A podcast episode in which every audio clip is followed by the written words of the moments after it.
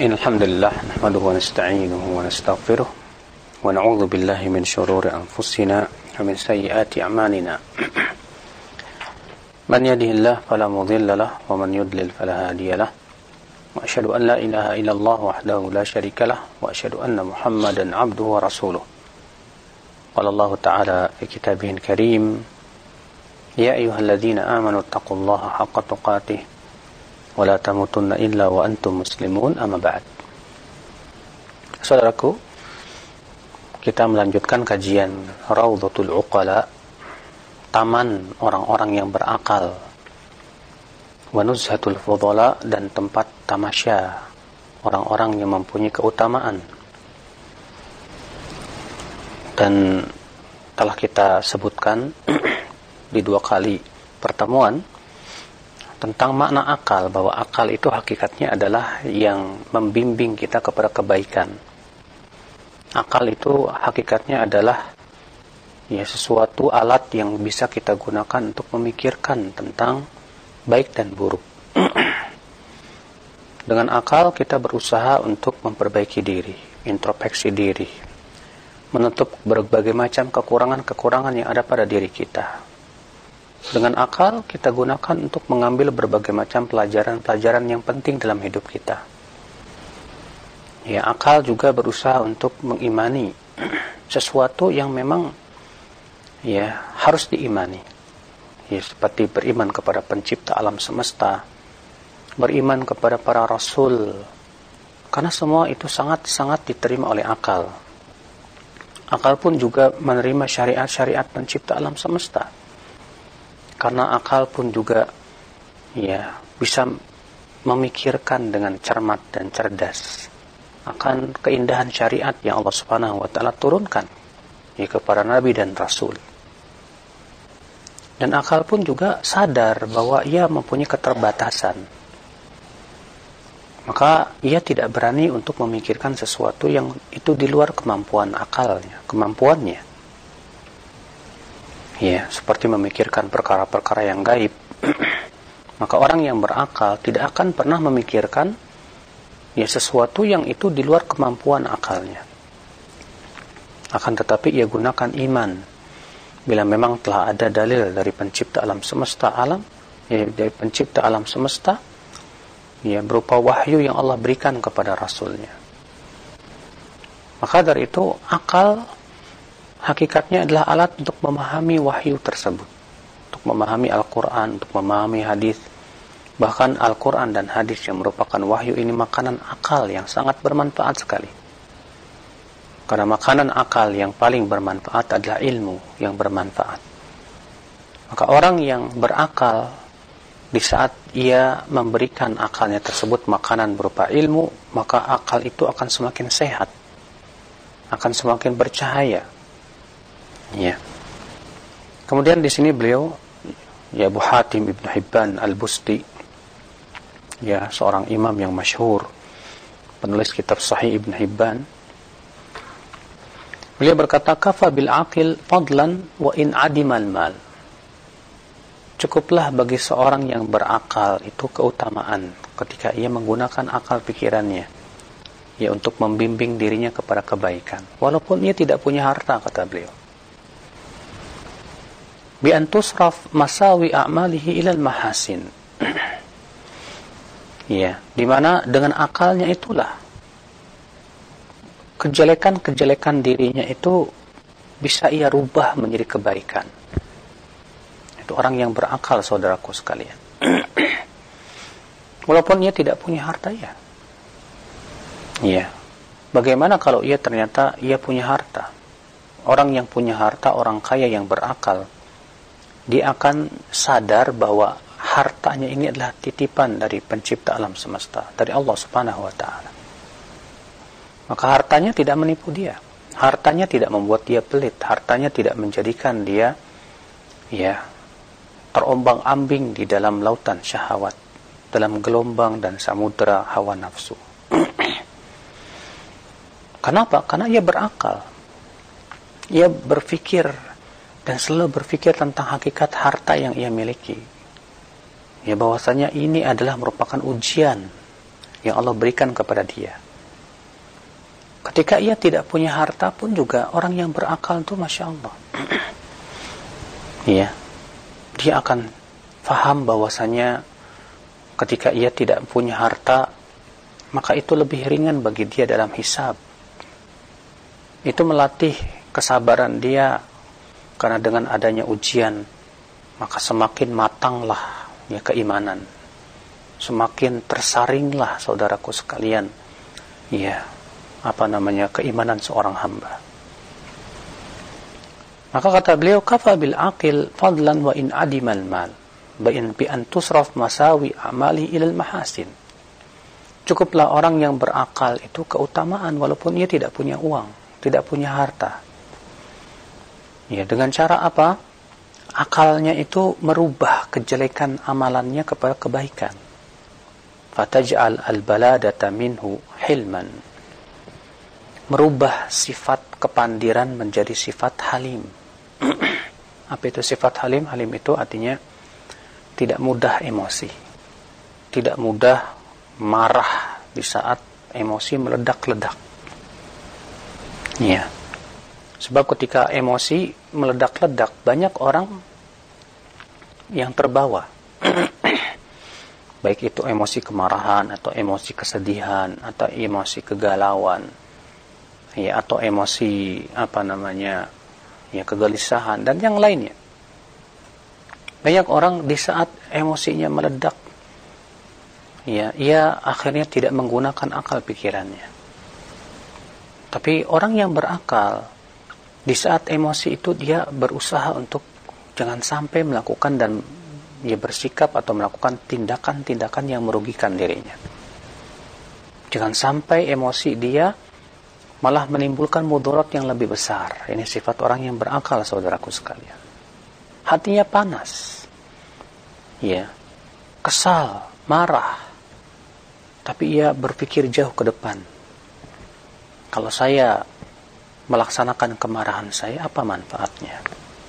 Kalau saya menimpal atau membalas ejekan dia, kira-kira apakah akan menimbulkan maslahat yang lebih besar? Nah ini orang yang berakal saudaraku sekalian. Kata beliau, wal ukubah ta'diban. Dan ia jadikan ukubah sanksi itu sebagai apa? Pemberian adab buat dia. Artinya orang yang berakal itu ketika ia diberikan oleh Allah Subhanahu wa taala sanksi ya berupa sakit ataupun yang lainnya ia segera introspeksi diri. Mungkin ini adalah peringatan dari Allah Subhanahu wa taala kepada saya Mungkin karena akibat dosa-dosa saya. Mungkin karena ia selalu menuduh dirinya. Sehingga adabnya dia menjadi bagus sekali. ya ketika ia ditimpa ya sesuatu, dia selalu introspeksi diri. Ya. Wal jur'ata azman. Ia menjadikan keberanian dia menjadi azam azam azam itu apa artinya tekad bulat dalam kebaikan ya jangan sampai keberanian itu di dalam keburukan saudaraku orang yang berakal tidak mau menjadikan keberanian dia nekatnya itu di dalam keburukan beda dengan orang yang kurang akalnya berani ya berani nekat nekat tapi ternyata bukan dalam kebaikan iya yeah. Kadang ada orang berani karena ingin dipuji orang, karena ingin disebut tenar, karena ingin disebut masyhur. Akhirnya melakukan perbuatan-perbuatan konyol dengan niat supaya dianggap dia seorang pemberani dan yang lainnya. Iya. Yang kalau ternyata ia meninggal dengan perbuatan itu pun juga matinya mati konyol. Orang yang berakal tidak mau mati konyol dan tidak mau melakukan perbuatan konyol, saudaraku. Ketika ia punya keberanian, keberaniannya ia gunakan untuk kebaikan. Berani untuk menyampaikan kebenaran. Ya. Berani untuk memberikan nasihat orang yang salah dengan cara yang baik. Berani untuk sabar menghadapi berbagai macam tantangan, berani untuk tegar. Ya, keberanian itu ia rubah di dalam kebaikan kata beliau. Wal jubna ta'anniyan Akal merubah sifat pengecut menjadi muta'anni. Ta'anni itu artinya tenang. Iya. Karena orang yang berakal ketika ia punya sifat pengecut, dia akan berpikir apa manfaatnya pengecut. Ya, pengecut itu bukan sifat yang bagus. Maka ia berubah, dia berusaha untuk merubah sifat pengecutnya itu menjadi sifat ta'ani. Ta'ani itu hati-hati. Tidak segera segera mengambil sikap sebelum ia melihat maslahat dan mudaratnya. Sebelum ia bermusyawarah dengan para ahli ilmu dan orang-orang yang berpengalaman bukan karena ya dia takut atau pengecut tidak karena ya akalnya itu merubah sifat pengecutnya itu menjadi ta'ani tadi. Wal israf judan. Orang yang berakal ya merubah sifat apa namanya israf. Israf itu artinya senang keluar duit ya. maka ia rubah menjadi kedermawanan dalam kebaikan. Ya terkadang ada orang banyak duitnya. Dan enteng keluar duit itu tapi qadar Allah karena ia kurang menggunakan akalnya ya rupanya dia gunakan uangnya itu untuk hal-hal yang tidak baik. Mudah dia keluar uang. Tapi ternyata digunakan untuk maksiat membantu kemaksiatan membantu orang-orang yang joget-jogetan membantu orang yang akhirnya apa yang terjadi ya hartanya percuma. Hartanya akhirnya hanya akan membinasakan ia ke dalam api neraka. Tapi orang yang berakal ketika dia punya sifat suka ya loyal gitu ketika keluar duit itu digunakan untuk membantu orang susah, memperhatikan para janda, memperhatikan ya masjid-masjid ya dia berusaha hartanya itu di dalam kebaikan. Dia ingin supaya pahalanya itu apa hartanya itu berubah menjadi pahala yang besar di sisi Allah Subhanahu wa taala. Ini orang yang berakal, Saudara. Kalau orang yang kurang berakal, dia menganggap harta ini harus saya gunakan untuk senang-senang diri saya. Orang saya yang capek kok yang menghasilkannya. Maka saya juga yang harus senang dong dengan harta tersebut. Tapi orang yang berakal berpikir, saya sudah lelah ya mendapatkan harta ini. Kemudian harta ini menjerumuskan saya ke neraka, saya nggak mau. Saya sudah lelah ya menghasilkan harta yang banyak ini. Tapi ternyata harta ini saya gunakan di jalan setan, enak. Enaknya yang setan apa yang enak jadinya setan. Saya tidak mau. Saya ingin harta saya ya dalam kebaikan. Saya ingin harta saya bisa menyeret saya ke dalam surga Allah Subhanahu wa taala. Nah, ini orang yang berakal saudaraku sekalian. Maka orang yang berakal, orang kaya yang berakal itu ingin sekali kekayaannya itu untuk keridhaan penciptanya. Keridhaan Allah Subhanahu wa taala. Ya, kenapa? Karena ia menggunakan akal pikirannya secara waras dan cerdas. Wal imsak takdiran Orang yang berakal merubah sifat bakhilnya itu menjadi apa? Ya, hitung-hitung dalam perbuatan dalam menggunakan uang. Jangan sampai ada uang dia yang mubazir. Ya. Itu orang yang berakal. Beda dengan orang yang kurang berakal, sifat bakhilnya itu menyebabkan dia mau berinfak susah, membantu orang yang susah, sulit. Ya bahkan untuk menggunakan hartanya membantu ya kaum muslimin, orang-orang yang terkena bencana alam juga berat. Ya, kenapa? Karena pelitnya itu melilit. Tapi orang yang berakal ketika dia sadar bahwa dia punya sifat pelit, dia gunakan pelitnya itu untuk supaya tidak mubazir. Ya. Saya tidak ingin satu satu peser pun uang saya ya ternyata nggak ada manfaatnya mubazir. Saya nggak mau uang saya 500 perak pun ternyata ya mubazir nggak ada manfaatnya. Saya ingin gunakan untuk hal-hal yang bermanfaat. Maka ia hitung, ia hitung-hitung, ya pengeluaran pengeluarannya ke mana saja ini duitnya.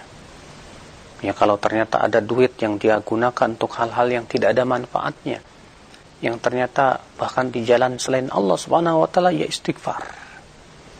Ya. Ia mohon ampun kepada Allah Subhanahu wa taala. Maka ia rubah rasa pelitnya itu ia menjadi sifat yang terpuji. Kenapa? Karena akalnya itu. Fala takadu tara aqilan illa muwakkiran liru'asa nasihan lil aqran muwatiyan lil ikhwan mutaharrizan min al a'da' ghairu hasidin lil ashab wala kata beliau hampir-hampir kamu tidak akan pernah melihat orang yang berakal kecuali ia akan menghormati para para pemimpin. Menghormati pemimpin itu sifat orang yang berakal. Iya. Sementara menghina para pemimpin ngenyein pemimpin itu bukan sifat orang yang berakal saudara Buktinya, bukankah para nabi itu orang yang paling berakal? Ya, para nabi itu orang yang paling berakal, saudaraku. Tapi lihat, bagaimana Rasulullah SAW ketika mengirim surat kepada Heraklius. Apa yang disebutkan oleh Rasulullah dalam suratnya tersebut? Bismillahirrahmanirrahim. Ila Herakl, azimir Rum. Assalamu ala man ittaba'al huda. Bismillahirrahmanirrahim kepada Heraklius pembesar Romawi. Lihat Rasulullah SAW tetap ya menggunakan kata-kata penghormatan kepada dia. Ya. Demikian para ulama, ya para sahabat, para tabiin, para tabiut tabiin. Mereka senantiasa berusaha untuk ya menempatkan para pemimpin pada tempatnya bukan dengan cara dirusak atau dibully atau dijatuhkan kewibawaannya. Karena dalam Islam saudaraku ya menjatuhkan kewibawaan pemimpin itu berat. Akan berdampak yang sangat negatif sekali. Ya. Sebab kalau pemimpin sudah tidak punya kewibawaan dan jatuh kewibawaannya rakyat tidak akan menghormati. Yang ada nanti akan berubah kekacauan. Ya hancurnya keamanan, ya rusaknya berbagai macam sisi kehidupan. Kenapa? Karena ya ternyata mereka tidak mau menghormati pemimpin mereka. Maka orang yang berakal, dia sadar bahwa yang pemimpin itu dijadikan untuk apa? Supaya ditaati. Orang yang berakal berpikir dengan akalnya, ya bahwa kalau pemimpin itu tidak ya tidak ada wibawa, dia tidak akan bisa ditaati. Dia tidak akan ya ditaati oleh rakyatnya. Maka horm, dihormatinya pemimpin tersebut. Ya. Hal ini juga karena Nabi Shallallahu Alaihi Wasallam dalam hadis-hadis juga menganjurkan demikian dalam hadis yang dihasankan oleh Syekh, Salah, Syekh Abdul Salam Barjas. Ya. Nabi Shallallahu Alaihi Wasallam uh, kata Rasulullah uh, siapa man sultan siapa yang menghinakan penguasa Allah akan hinakan dia. Sebaliknya siapa yang ya mem memuliakan penguasa Allah akan muliakan dia kata Rasulullah SAW ya kalau ada kekurangan dia berusaha untuk meluruskan dengan cara yang baik bukan dengan cara menjatuhkan wibawanya. Itu sifat orang yang berakal saudaraku Makanya dalam hadis riwayat Imam Ahmad dan hadis ini hasan insyaallah. Wa Nabi SAW mengatakan man arada an yansah li sultan. Siapa yang ingin menasihati penguasa, fala yubdi alaniya, jangan terang-terangan. Wal ya'khudh biyadih, ambil tangannya. Iya. Kemudian nasihati antara kamu dan dia saja secara rahasia. Kenapa? Karena ini untuk menjaga kewibawaan dia maka kata beliau, "Fala takadu tara aqilan illa muwakkiran li ru'asa nasihan lil aqran." Kamu tidak akan melihat orang yang berakal ya kecuali ia akan menghormati, memuliakan para pemimpin. Nasihan lil aqran dan memberikan nasihat kepada ya teman-teman sebayanya. Ya. Muatian lil ikhwan dan ia berusaha untuk bersikap baik kepada teman-temannya. Ya, lakron itu artinya teman sejawat ya. Setanding dengan dia. Karena terkadang saudara-saudaraku sekalian, ketika seseorang itu mempunyai tandingan atau mempunyai saingan yang sejawat dengan dia, sering kali orang yang kurang akalnya itu malah terbakar oleh hasad dan kedengkian. Iya, dengki dia. Ternyata saya punya saingan. Ternyata ya si fulan ini kok lebih banyak pengikutnya daripada saya. Orang yang berakal, ya, dia tidak akan terpengaruh dengan hal-hal seperti itu. Justru ia memberikan nasihat yang terbaik untuk dirinya dan bersikap dengan cara yang terbaik. Ya. Mutaharizan minal a'da, dia juga hati-hati dari musuh. Ya, sebab yang namanya musuh berusaha untuk mencari-cari keburukan. Ya, sikap hati-hatinya itulah yang menyebabkan dia betul-betul ya dalam menghadapi musuh itu hati-hati. Ya, terkadang ketika orang yang tidak suka kepada kita yang memusuhi kita itu mengomentari kita dengan komentar-komentar yang pedas yang menyakiti hati maka kita apa namanya hati-hati. Dia mengomentari kita dengan komentar yang pedas ini jangan-jangan jeba, apa, jebakan Batman ini. Maksudnya maksudnya ya sengaja ia ingin membakar emosi kita supaya kita membalas dengan apa kata-kata yang kasar lagi sehingga menjadi kesempatan untuk menyerang kita. Memang musuh demikian musuh itu berusaha untuk mencari kesempatan. Iya mencari berbagai macam celah kekurangan kita. Maka dari itu orang yang berakal ya ketika menghadapi musuh dia betul-betul hati-hati. Dia berusaha untuk menutup berbagai macam salah-salah tersebut. Jangan sampai menjadi ya bumerang bagi dirinya. Ghairu hasidin lil ashab.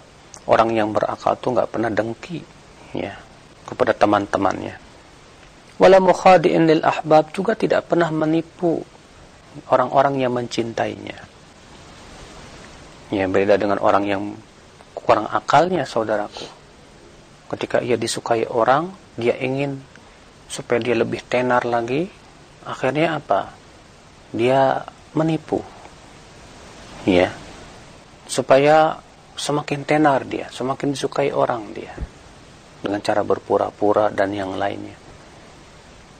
Yataharrash bil ashrar, wala yabkhal fil ghina, wala yashrah fil faqah Ya orang yang berakal itu la yataharras bil. Dia itu tidak pernah apa namanya yataharras. Yataharras itu kayak binatang buas gitu loh. Ya pemarah kepada orang-orang yang berbuat keburukan tuh. Itu kadang ada orang ya hatinya marah aja kerjaannya, marah-marah aja kerjaannya. Kenapa? Karena dia kesal dengan orang-orang yang berbuat keburukan itu. Ya, dia orang yang berakal berpikir ngapain marah-marah. Justru kita berpikir bagaimana kita memperbaiki gitu loh. Kalau kita melihat ada orang yang berburuk, orang yang berakal berpikir bagaimana supaya mengurangi keburukan tersebut. Apakah dengan cara marah-marah kira-kira itu akan e, memberikan manfaat atau tidak? Karena kebanyakan marah-marah itu bukan memberikan manfaat, bukan menambah manfaat. Tapi justru semakin menambah perkara itu semakin semakin menjadi-jadi saudaraku. Ya. Wala fil ghina. Orang yang berakal kata beliau dia tidak bakhil di saat kaya. Wala yashraf fil faqa dan dia tidak rakus di saat miskin. Kadang orang yang kurang akalnya di saat ia miskin rakus sekali saudara. Orang yang berakal tidak. Wala yanqadlil hawa orang yang berakal itu tidak akan tunduk kepada hawa nafsunya. Ini sifat yang luar biasa. Iya. Karena akal dan hawa nafsu ini musuhan nih. Tidak akan pernah bertemu antara akal dan hawa nafsu, saudaraku. Maka orang yang berakal, dia tidak akan pernah mau tunduk kepada hawa nafsunya. Dia ingin tunduk kepada penciptanya. Dia ingin tunduk kepada ya orang yang di, yang perintah-perintahnya itu memasukkan ia kepada surga Allah Subhanahu wa taala itu Rasulullah Shallallahu Alaihi Wasallam. Maka saudara-saudaraku sekalian, Maka akal berpikir, di saat hawa nafsu menginginkan akal berpikir. Kira-kira ini dicintai oleh Allah apa enggak ya? Kira-kira ini apa manfaatnya buat saya? Berbeda dengan orang yang kurang akalnya, akhi. Hawa nafsu itu menjadi kendaraan dia, bahkan menjadi apa? Ya, yang menggiring dia. Sehingga marahnya dia karena hawa nafsu, cintanya dia karena hawa nafsu, bencinya dia karena hawa nafsu. Ya. Sehingga akhirnya hawa nafsu itu yang menjadi ukuran dia gitu Berbeda dengan orang yang berakal. Orang yang berakal itu ya berusaha marahnya juga karena Allah. Dia bencinya karena Allah. Cintanya semuanya karena Allah subhanahu wa ta'ala. Ya, sehingga ia tidak mau tunduk kepada hawa nafsunya. Wala, yaj, wala yajmah fil ghadab. Tidak berlebihan dalam marah. Orang berakal kalau marah itu gak berlebihan saudaraku. Beda dengan orang yang kurang akalnya kalau marah itu sumpah serapah yang keluar. Kebun binatang keluar semua Ya, orang yang kurang akalnya itu ketika marah maunya apa? Ya, dia memuntahkan dan memuaskan kemarahannya. Tapi orang yang ber, berakal tidak. Di saat ia marah tetap ia berusaha untuk seimbang. Ya, tetap ia berusaha untuk berpikir jauh jangan sampai kemarahannya meng, mengalahkan akal pikiran dia. Jangan sampai kemarahannya malah merugikan dia. Jangan sampai kemarahannya menimbulkan sikap-sikap yang merugikan. Kan orang marah itu pastinya akalnya akan hilang. Ya. Walaupun tentunya sebal, se, sehebat-hebat tupai melompat jatuh juga. Artinya sehebat-hebatnya orang yang berakal berusaha menahan amarahnya, ya suatu ketika dia jatuh juga kepada kesalahan. Itu lumrah, itu manusiawi saudaraku. Karena tak ada gading yang tak retak. Kata beliau, kita lanjutkan. Wala yamrah fil wilayah. Tidak berbuat zalim ketika ia menjadi pemimpin. Pemimpin yang berakal. Dia gunakan kepemimpinannya untuk kemaslahatan rakyat. Karena ia sadar bahwasanya kepemimpinan ini amanah. Ya. Kalau di, di negeri kita rakyat yang memilih. Ya harusnya kalau rakyat yang memilih Pemimpin yang dipilih oleh rakyat harusnya dia berkhidmat kepada rakyat dong. Berpikir bagaimana untuk kemaslahatan rakyat, berpikir bagaimana rakyatnya itu sejahtera, damai, sentosa. Itu yang dia pikirkan. Bukan hanya sebatas kemaslahatan partainya saja atau kepada kawan-kawannya saja, tidak. Seorang pemimpin yang berakal, yang adil, dia berpikir bagaimana saya mensejahterakan rak, rak, rak, rakyat saya ini. Karena ia sadar bahwa kepemimpinan ini amanah dan akan ditanyakan langsung oleh Allah Subhanahu wa taala pada hari kiamat. Ya. Makanya Rasulullah SAW bersabda kepada Abu Dhar mengingatkan tentang bahayanya kepemimpinan. Kata Rasulullah, ya Abu Dhar, ini araka dha'ifan. Hai Abu Dhar, aku melihat kamu itu lemah dalam memimpin maka jangan kamu jadi pemimpin ya, kata Rasulullah. Jadi kita harus tahu diri nih, kalau kita tahu bahwa kita tidak bisa dan tidak cakap pemimpin, mendingan jangan menjadi pemimpin deh. Berat saudaraku, tanggung jawabnya di hadapan Allah berat. Orang yang berakal dia akan berintrospeksi diri. Saya, kemampuan saya apa? Kemudian bagaimana tanggung jawab saya nanti di hadapan Allah Subhanahu wa taala? Maka Rasulullah sabda kepada Abu Dhar, "Innaha amanah." Sesungguhnya kepemimpinan itu hai Abu Dhar amanah di sisi Allah. Wa inna khizyun wa nadamah yaumal qiyamah. Sesungguhnya kepemimpinan itu hai Abu Dhar akan menjadi kehinaan dan penyesalan nanti pada hari kiamat. Sebab ya Allah nanti pada hari kiamat akan datang dalam keadaan murka sekali. Lalu Allah Subhanahu wa taala berfirman, "Aku adalah raja di hari ini." Mana raja-raja dunia itu? Jadi yang pertama kali Allah cari di hari kiamat itu para raja, para pemimpin. Iya, yang pertama kali Allah cari mereka. Maka dari itulah saudara-saudaraku sekalian, ya orang yang diberikan kepemimpinan dan dia berakal, dia takut, dia khawatir, ya kepemimpinan ini hanya akan menghancurkan dirinya di dunia dan akhirat. Maka ya ia gunakan kepemimpinannya untuk ber, bersikap adil menyebarkan kasih sayang menyebarkan kedamaian menyebarkan kesejahteraan. Ya. Ia selalu berpikir keras untuk kesejahteraan rakyatnya supaya rakyatnya itu ya sentosa. Wala yatamanna yajid. Orang yang berakal kata beliau tidak akan mengharap-harapkan sesuatu yang tidak yang ia tidak mampu. Ya terkadang kita ngarep pengen ini, pengen itu, padahal kita kemampuannya apa? Nggak punya. Ya, ketika kita mengharapkan sesuatu yang kita tidak mampu, yang nggak ada manfaatnya. Orang yang berakal akan berpikir buat apa saya mengharapkan sesuatu yang saya tidak mampu. Ya, untuk saya raih. Mendingan saya pikirkan sesuatu yang saya bisa lakukan apa sih. Ya. Makanya orang yang berakal tahu diri siapa dirinya ya dia akan memposisikan diri sebagai seorang yang dirinya begitu sebagai seorang rakyat ya dia akan posisikan diri sebagai seorang rakyat seorang yang jahil yang kurang ilmu dia akan tahu diri bahwasanya dia memang kurang berilmu adapun menghayal sesuatu yang di luar kemampuan dia dan tidak ada pada dirinya maka itu bukanlah sifat orang-orang yang berakal eh orang-orang yang berakal saudaraku sekalian. Wala yaktaniz idza wajad. Ia tidak menimbun harta ketika ia dapat duit. Ya. Karena sebagian orang yang kurang akalnya itu ketika ia punya duit, duitnya ditimbun-timbun aja sampai lap. Kenapa? Karena takut miskin, takut.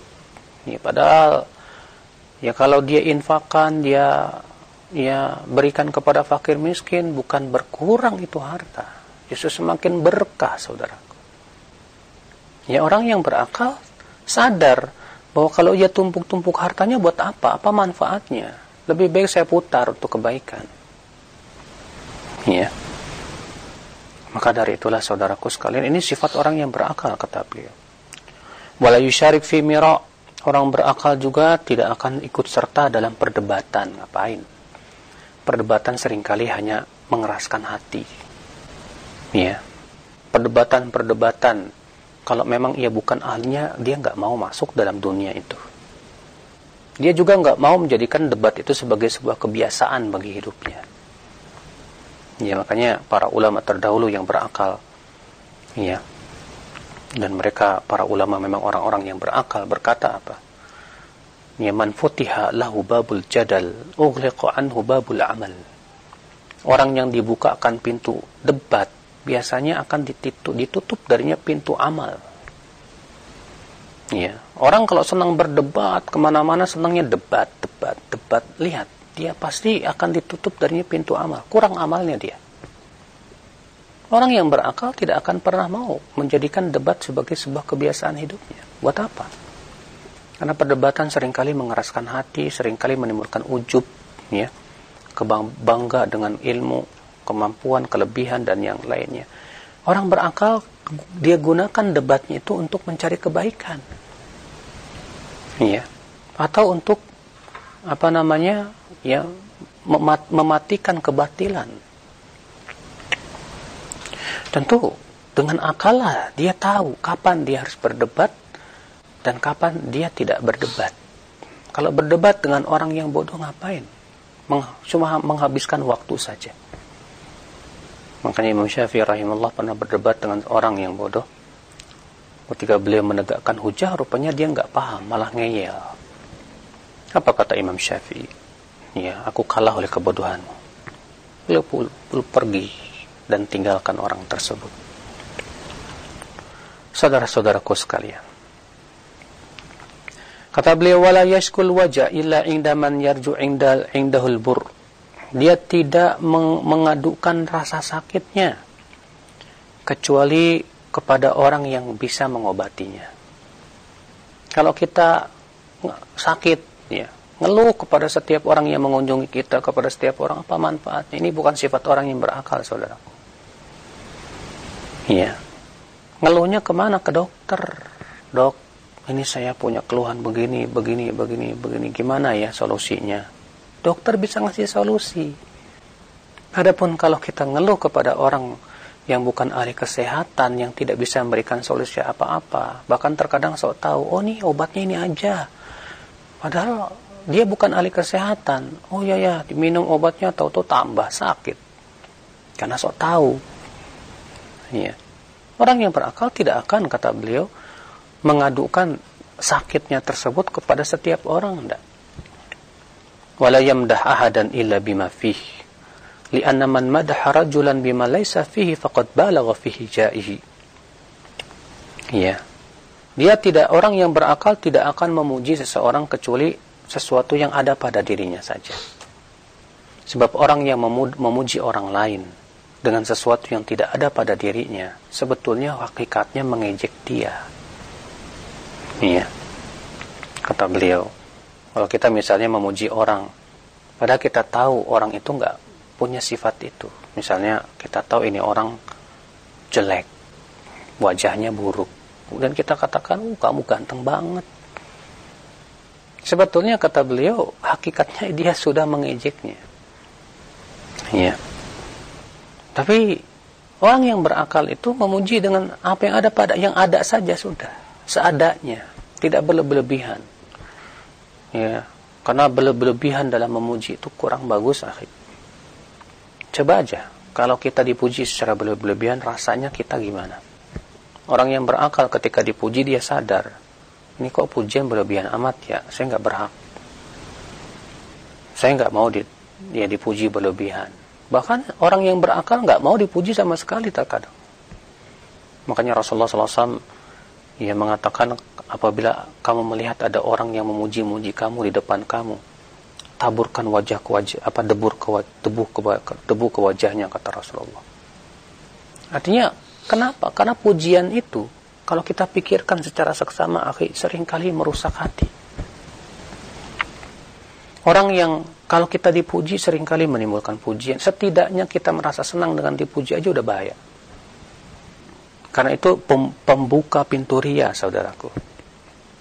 Tapi kalau orang yang kurang akalnya dia merasa senang dan pujiannya, wah, ya saya hebat ternyata, saya mantap ternyata, saya masya Allah. Akhirnya apa?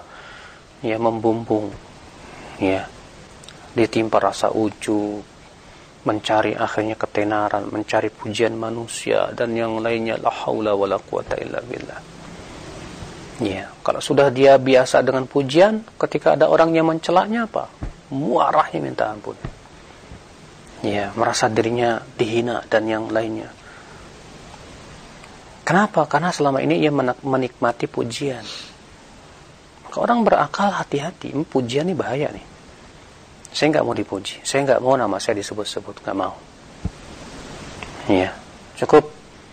Jangan kamu puji saya, jangan. Saya nggak butuh pujian kamu. Karena orang berakal sadar bahwa pujian itu bisa menipu dirinya, saudara-saudaraku sekalian. Waman qabila al-madha bima lam yaf'alhu faqad istahdafa lisukhriyah. Siapa yang menerima pujian padahal ia tidak berhak mendapat pujian itu kata beliau. Sungguh sebetulnya ia sudah mencapakan diri kepada perolokan. Ya. Wal aqil yukrim ala ghairi malin kal asad yukram ala ghairi mal. Kal asad juhab wa in kana rabidan. Makanya kata beliau, orang yang berakal itu dia akan mulia walaupun nggak punya duit. Dia bagaikan singa kata beliau yang ditakuti orang walaupun dia cuma diem. Singa itu diemnya itu menakutkan. Beda dengan anjing, anjing menggonggong, gonggong, gonggong orang kesel. Akhirnya dilempar. Iya. Singa enggak diem, tapi orang takut. Maka orang berakal itu seperti itu saudaraku sekalian. Ya. Wa kalamul aqil ya'tadil ka'tidali jasadis sahih.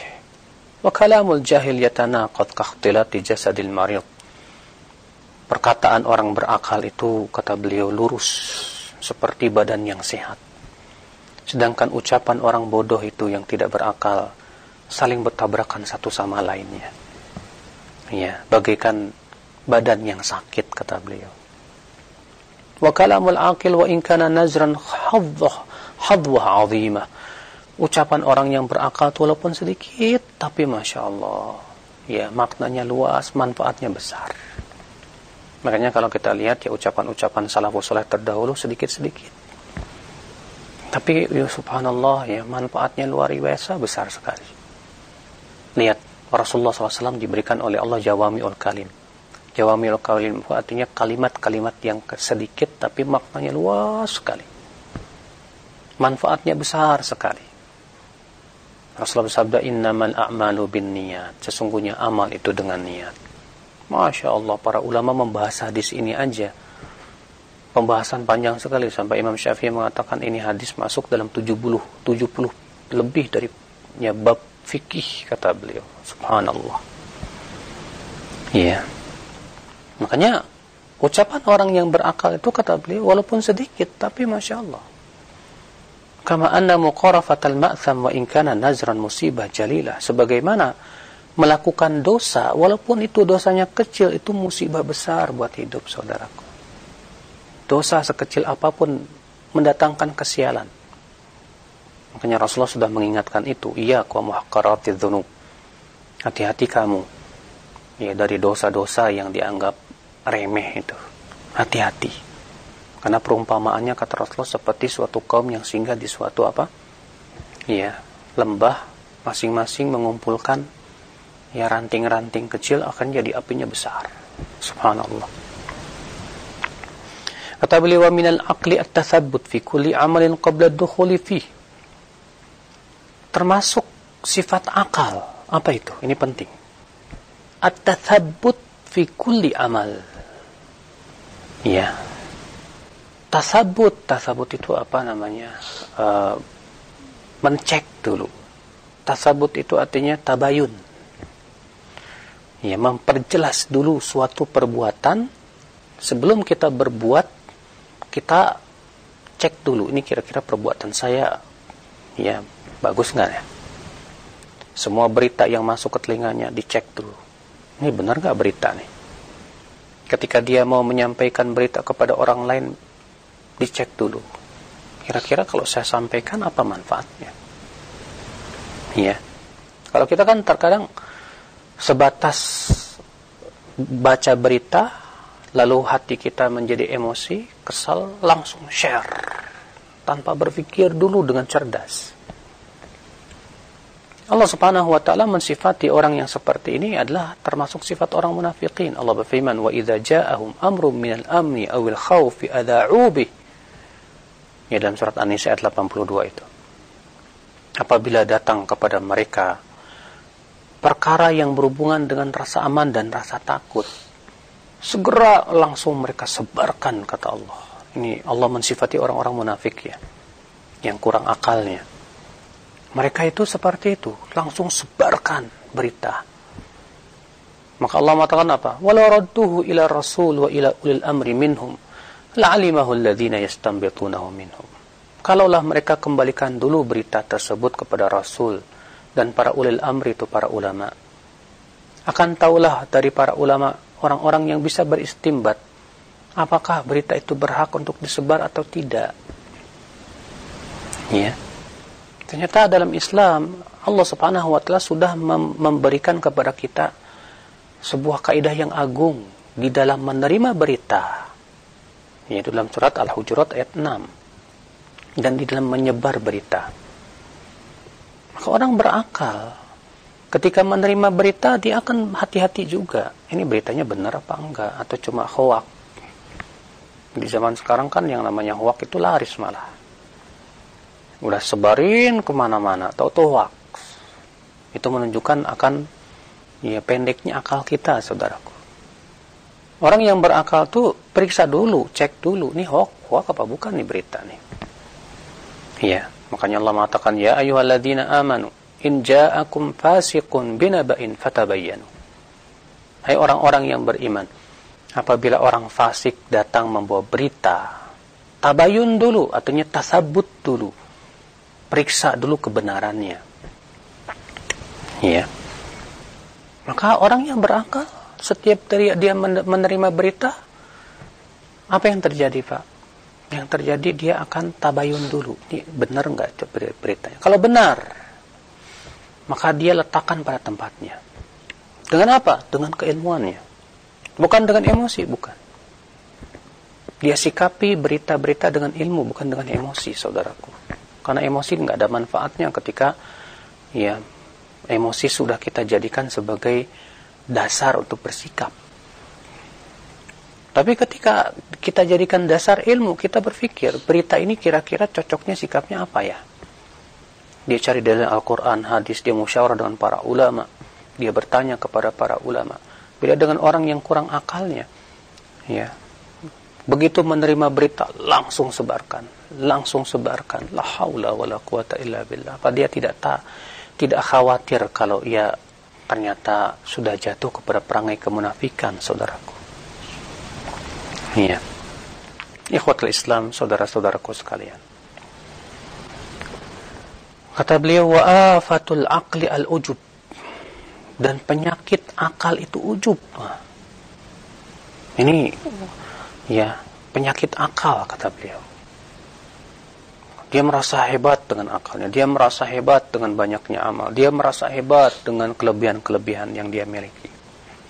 Bal 'alal aqil an yu'tin nafsahu 'ala sabri 'ala jarisu wa ashar wa ashirsu wa jalisisu. Ya kata beliau, penyakit akal itu ujub. Maka hati-hatilah jangan sampai seorang yang berakal ter terkena penyakit ujub. Ya, Syekhul Islam Taimiyah mengatakan bahwa ujub itu termasuk syirik. Karena hakikat orang yang ujub itu seakan-akan menganggap bahwa kelebihan yang dimiliki itu berasal dari dirinya sendiri. Padahal kelebihan itu milik Allah Subhanahu wa taala. Sebab kalau dia sadar bahwa kelebihan yang dia miliki dari Allah Subhanahu wa taala, dia tidak akan ujub. Makanya kata Syekh Muhammad bin Shalih Utsaimin, ujub itu bisa membatalkan amal yang kita merasa ujub dengannya, saudaraku. Hati-hati. Lalu beliau menyebutkan lagi sifat orang yang berakal, kata beliau. Orang yang berakal hendaknya meyakinkan dirinya, mengokohkan dirinya. Untuk apa? Untuk sabar. Terhadap siapa? Tetangga yang buruk, teman yang buruk. Ya. Karena ketika kita bertetangga ada aja tetangga yang nyebelin ketika kita berteman ada aja teman kita yang sifatnya nyebelin. Orang yang berakal ya tidak akan menjadikan semua itu sebagai apa? Ya, sesuatu yang selalu ya pikirin aja. Ya, akhirnya kita besar-besarkan. Terkadang orang yang kurang akalnya ketika melihat sifat temannya yang ia menurut dia nyebelin, langsung dia sikapi begitu saja dengan sikap yang kurang baik. Bahkan dia ngomong ke orang-orang itu sifat orangnya kurang ajar ini gini gini gini akhirnya jatuh kepada gibah. Fanasallallahu salamatu wal afiyah. Orang yang berakal tidak. Ya. Dia tidak akan menebar aib orang lain. Ketika ia tahu bahwa temannya itu punya kekurangan, dia berpikir, ya, dia manusia, saya juga manusia, saya juga punya kekurangan, dia punya kekurangan. Dia berpikir bagaimana supaya bisa menambal kekurangan tersebut Ya. Dia berpikir kalau dia punya tetangga yang nyebelin, dia berpikir bagaimana caranya supaya tetangga ini bisa baik gitu loh. Dia datang bawa kasih hadiah dengan senyum, dengan akhlak yang baik supaya tetangganya itu sadar ya akan kesalahannya dan yang lainnya. Memang subhanallah ya ketika kita menggunakan akal pikiran kita dengan baik, dengan cermat, dengan jauh dan disertai dengan ilmu, insya Allah semuanya maslahat saudara. Tapi kalau kita sikapi semuanya dengan emosi, dengan kekesalan, dengan kemarahan dan yang lainnya, hakikatnya itu hanya merugikan diri kita sendiri. Semoga yang saya sampaikan pada pagi hari ini bermanfaat saudaraku. Ya. Dan bisa kita amalkan terutama saya sebagai pembicara. Bukan berarti saya yang paling bisa mengamalkan. Mungkin saudara yang pendengar atau pemirsa lebih mampu mengamalkan. Yang jelas kita berusaha semaksimal mungkin untuk menjadi orang yang berakal, menggunakan akal pikiran kita dalam kebaikan dan kemaslahatan wabillahi taufik. Nah.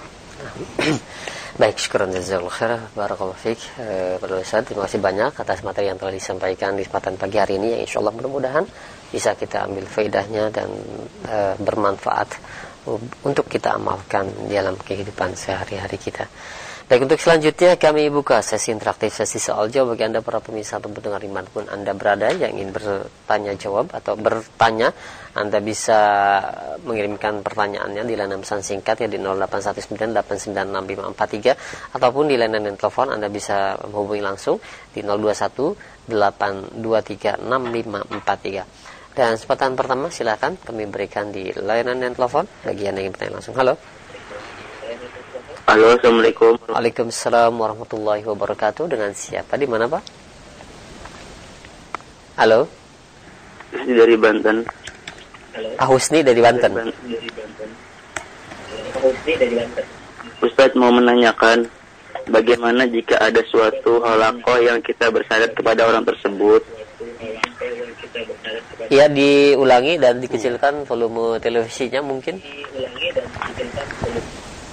Ustaz, bagaimana jika ada suatu halakoh yang kita bersahadat kepada orang tersebut dan dia memberikan juga dalil di surat Al-Mumtahanah ayat 12 dan setiap bulannya kita harus memberikan infak kepada orang tersebut dan Baik. bagaimana Ustaz jika kita berbeda mazhab dengan keluarga besar kita karena masih ada keyakinan dengan nenek moyang zaman dulu Ya, seperti ada tahlilan, jarah, maulid, dan lain-lain.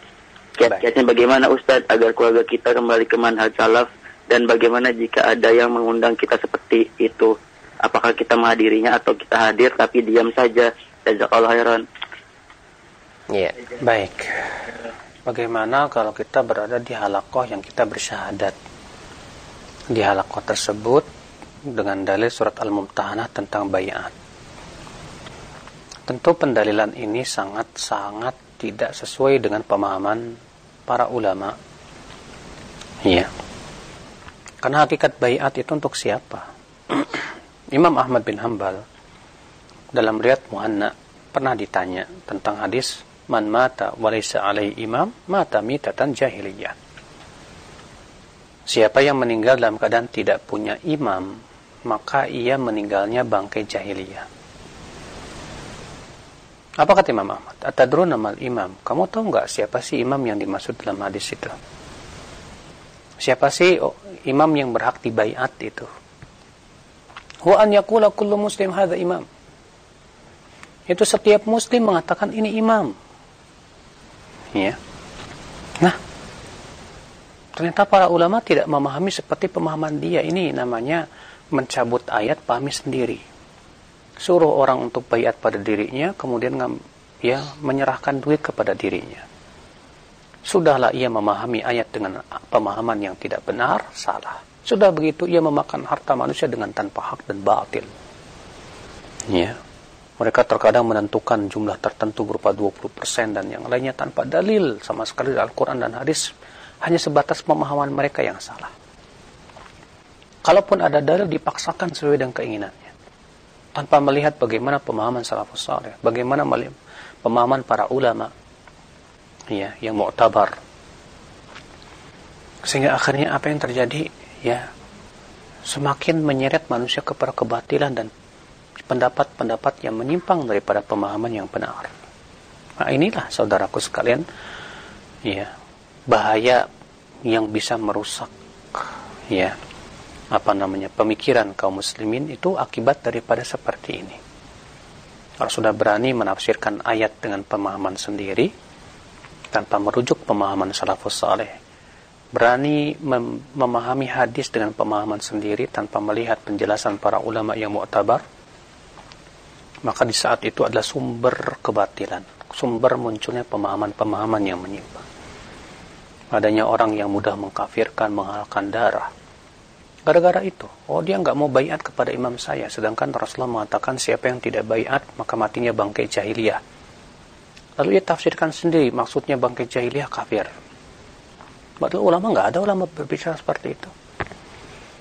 Lalu atas dasar itu dia mengatakan apa? Orang kafir halal darahnya. Akhirnya apa? Ya, mengambil harta orang dengan tanpa hak. Membunuh jiwa dan yang lainnya. Dari mana? Dari sini. Memahami Al-Quran hadis dengan pemahaman sendiri. Makanya ketika Rasulullah mensifati orang khawarij, Apa kata Rasulullah SAW? Yaquluna min qali khairil bariyah yaqra'una al-Qur'ana la yujawizu taraqiyah. Yamruquna min ad-din kama yamruqu as-sahmu min ar-ramiyah. Ya kata Rasulullah SAW, mereka membawakan sabda-sabda Rasulullah. Dan mereka membaca Al-Quran tapi tidak, tidak sampai ke kerongkongan mereka. Dalam riwayat Abu Daud, ya dijelaskan maksudnya apa? Yahsabuna annahu lahum alaihim. Mereka mengira Al-Quran mendukung pendapat mereka padahal tidak. Yang merukuna minad din, mereka pun melesat dari agama. Sebagaimana melesatnya panah dari busurnya. Saudaraku sekalian. Makanya apakah sudah terjamin setiap orang yang ketika ceramah bawa Quran hadis Quran hadis akan benar pemahamannya belum tentu karena sudah kita sebutkan tadi para orang-orang khawarij pun disifati Rasulullah membawakan Quran hadis tapi pemahaman dengan pemahaman yang dangkal dan pemahaman mereka tidak merujuk kepada pemahaman salafus saleh ya ini sumber sumber apa kesesatan sumber penyimpangan dari apa namanya kebenaran. Nah, bagaimana kalau kita berbeda madhab dengan keluarga kita? Sampaikan bahwa yang pertama madhab itu bukan sandaran. Sandaran kita adalah tetap Al-Quran dan hadis dan apa yang dipahami oleh para sahabat Rasulullah SAW. Sampaikan juga bahwa ya kalau kamu berpegang kepada pendapat ulama, kalau ternyata ada ulama yang sekaliber dengan ulama kamu menyelisih dia, apa yang kamu lakukan? Kalau saya, saya bukan ulama. Saya tidak berhak untuk menyelisih perkataan ulama karena saya bukan ulama. Tapi kalau yang menyelisih ulama itu ulama juga yang sekali berdengannya atau yang sezaman dengannya atau bahkan sebelumnya. Bagaimana? Kan ya kalau kita perhatikan di zaman sekarang ya kenyataannya ya sebagian masyarakat itu kalau sudah berpegang kepada satu madhab seakan-akan madhabnya itulah yang harus dipegang nggak boleh diselisih sudah. Ya.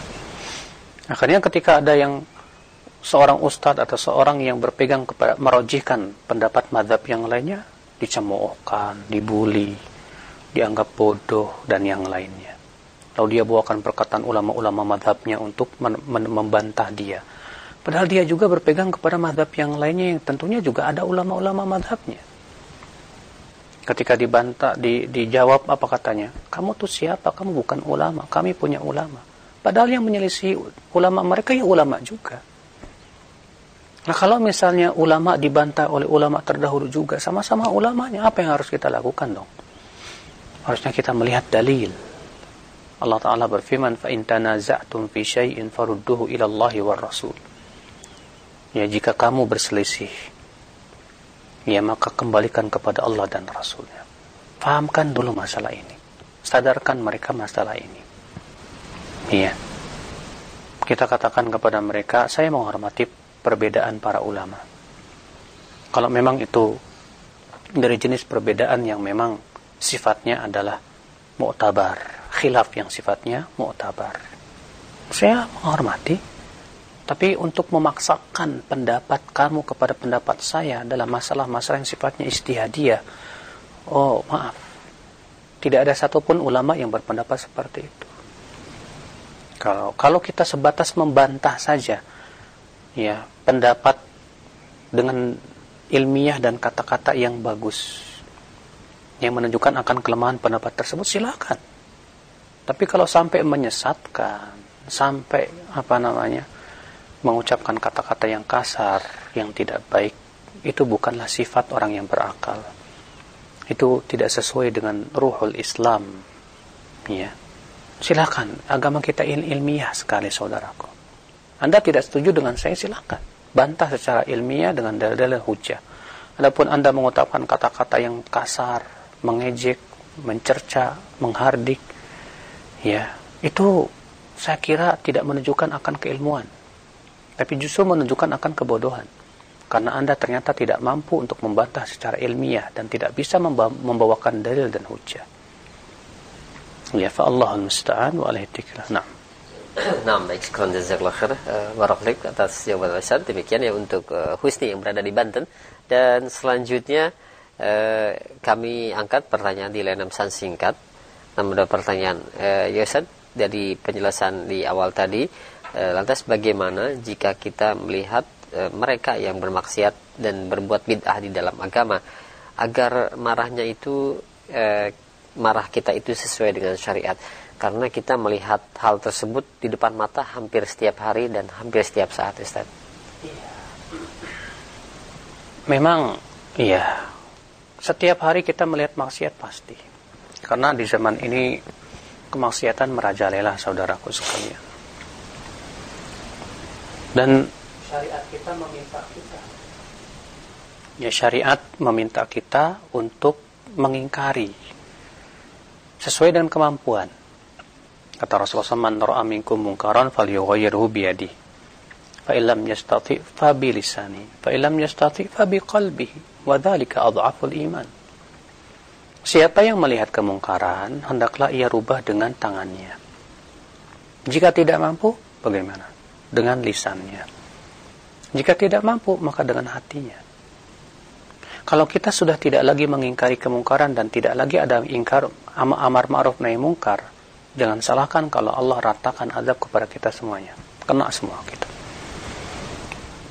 Namun tentunya Islam pun juga karena ia adalah agama yang sangat indah memberikan etika-etika di dalam beramar ma'ruf nahi mungkar. Amar ma'ruf nahi mungkar itu bukan dengan cara memuaskan kekesalan tidak Amar ma'ruf nahi mungkar bukan dengan cara meluapkan kemarahan, bukan.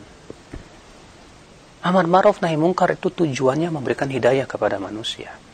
Tujuannya bagaimana memberikan yang paling maslahat dan lebih maslahat. Kalau ternyata kita mengingkari kemungkaran malah menimbulkan mudarat yang lebih besar, nggak disyariatkan dalam Islam. Maka, ya, kita berusaha ketika kita mengingkari kemungkaran, mengambil cara yang paling maslahat. Ya tidak menimbulkan dampak keributan dan yang lainnya. Ya dampak keributan artinya kerusuhan. Ya. Maka kita berusaha untuk mengingatkan kesalahan mereka sesuai dengan kemampuan. Mampunya dengan tangan. Siapa yang punya tangan? Penguasa. Penguasa punya tangan punya kekuatan tidak punya tidak tidak mampu dengan tangan dengan lisan. Ternyata kita nggak punya ilmunya dan kalau saya ngomong pasti marah-marah. Saya nggak mampu. Ya setidaknya dengan hati kita kita merasa apa tidak ridho dengan itu. Tapi kita juga berpikir bagaimana bisa merubah masyarakat ini. Ya harus ada andil kita berusaha untuk merubah masyarakat ini. Karena Allah tidak akan merubah suatu kaum sampai mereka merubah dirinya sendiri maka saya kita harus berpikir gimana ya cara merubah masyarakat yang sudah merajalela dan terjangkiti kemaksiatan. Ya. Sesuai kemampuan kita, kita berdakwah. Yang satu bisanya dengan melalui SMS, menyebarkan kebaikan. Yang satu bisanya dengan membagikan apa namanya ya buletin-buletin atau cari kertas yang berisi kebaikan. Yang satu bisanya ya dengan cara apa namanya berceramah dengan cara yang baik Alhamdulillah, soalkan kemampuan masing-masing saudaraku sekalian. Yang jelas, semua kita berusaha bagaimana memperbaiki keadaan. Bagaimana, ya jangan sampai kita semakin merajalela kemaksiatan di negeri kita ini. Di tanah kita ini. Sebab kalau sudah merajalela kemaksiatan, lalu kita diam seribu bahasa, jangan salahkan. Kalau Allah meratakan adab kepada kita semuanya, semua kita kena. Allah berfirman, wattaqu fitnatan la tusibanna alladhina zalamu minkum khassah. Takutlah kalian dari suatu adab yang tidak hanya menimpa orang-orang zolim kalian saja, tapi orang soleh pun juga kena. Kapan itu kata Rasulullah? Apabila telah tersebar kemaksiatan dan sudah tidak ada lagi amar ma'ruf nahi mungkar. Sudah tidak ada lagi orang mengingkari kemungkaran tersebut. Ya, padahal mereka mampu melakukannya. Itu Allah al-musta'an wa alaihi Nah. Nah, baik. Eh, syukur jazakallahu khair atas jawaban dan nasihat Ustaz yang sangat bermanfaat sekali. Dan selanjutnya kami berikan kesempatan di layanan telepon. Silahkan 521 Ya, halo. Nah, halo. Assalamualaikum. Waalaikumsalam. Dengan siapa di mana? Dengan hamba Allah di Sulawesi. Sulawesi, silakan. Ya, ini bertanya Ustaz. Ini mengenai vaksin yang akan dilakukan bulan ini. Ustaz, gini. Kalau apakah mengurangi keimanan kita ataukah ketika kita apa namanya mengikuti vaksin itu untuk anak kita Baik. Iya. apakah mengurangi ketawakalan kita kepada Allah Subhanahu wa taala ketika kita tidak mau mempa- apa namanya memvaksin anak kita Baik. Baik, sudah cukup, Pak. Baik, insya Allah kami faham pertanyaan dari antum ya yang ya di mengurangi ketawakalan kita kepada Allah Nah, ya. Baik, ditunggu Baik. jawabannya untuk Ya, Pak- didengarkan Bapak saya jawabannya, ya. Bapak. Tentunya kita harus tanya dulu kepada ahlinya, vaksin ini halal apa enggak? Bermanfaat nggak secara kesehatan? Kalau memang secara kesehatan bermanfaat dan secara kenyataan pun juga anak-anak yang divaksin ternyata lebih sehat daripada yang nggak divaksin misalnya. Maka mimbab ittikhadul asbab itu mengambil sebab nggak masalah. Apakah kalau kita berobat ke dokter kita dianggap tawakalnya kurang? Ya tidak. Rasulullah yang menganjurkan kalau kita berobat tawat tadawu ya ibadallah la tadawu bil haram. Ya berobatlah wahai hamba Allah, tapi jangan berobat dengan yang haram.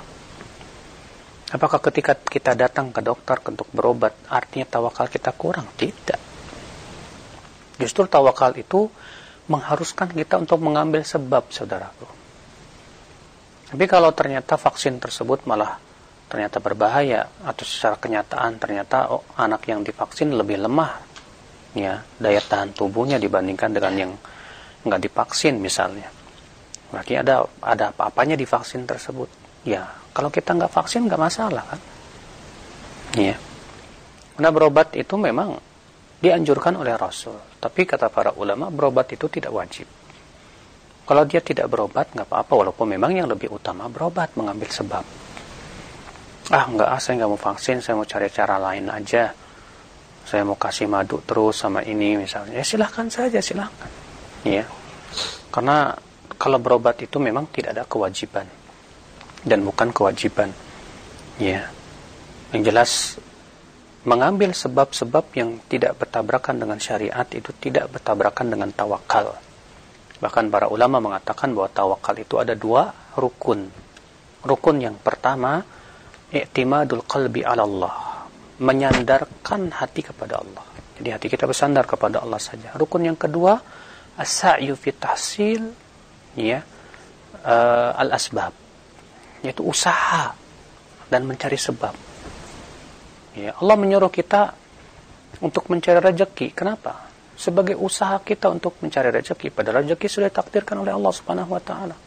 Apakah berarti kalau kita mencari rezeki, mencari nafkah, berarti tawakal kita kurang? Tidak. Justru kalau kita tidak cari rezeki bukan tawakal itu namanya, pemalas. Ya.